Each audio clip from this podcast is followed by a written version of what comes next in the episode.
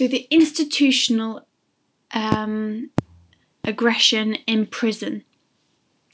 There are two theories the dispositional explanation and the situational explanation. Dispositional explanation is the importation model proposed by Irwin and Cressey. The importation model suggests that prison aggression is caused by the prisoners themselves.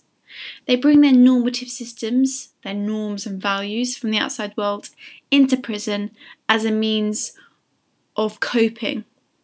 Their violence acts as a coping mechanism. The importation model highlights the codes of the street.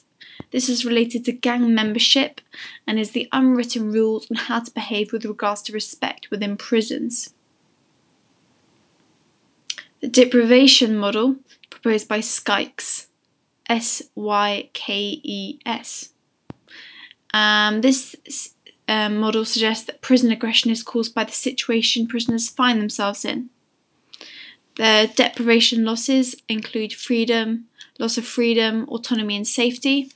Other factors include overcrowding, heat, and noise. The deprivation losses ultimately lead to increased frustration, which really results in aggression for catharsis. Prison aggression allows prisoners to gain resources that they have lost from the outside world, such as power and status. The deprivation model can be supported by correlational evidence from McCorkle. He found increasing temperature and overcrowding um, was strongly correlated to increase in inmate on inmate and inmate on staff aggression, although it's only correlation open to many extraneous variables.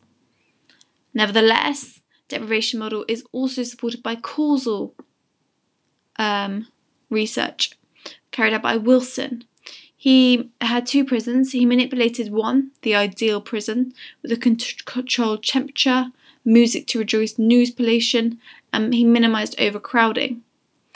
Uh, in comparison to control prison, which had no factors manipulated. To no surprise, the ideal prison had significantly reduced levels of aggression. However, there is significant contradictory evidence for the deprivation model carried out by Harer et al., who found importation variables such as race to be the only significant predictors of prison aggression. To add this, gang membership uh, within the importation model and its credibility can be strongly cor- cor- contradicted by more recent studies that have found gang members to be no more violent than non gang members. Um, however, this could be due to the fact gang members are often separated from other prisoners, thus reducing the opportunity for violence, highlighting the need for more research and studies in this area.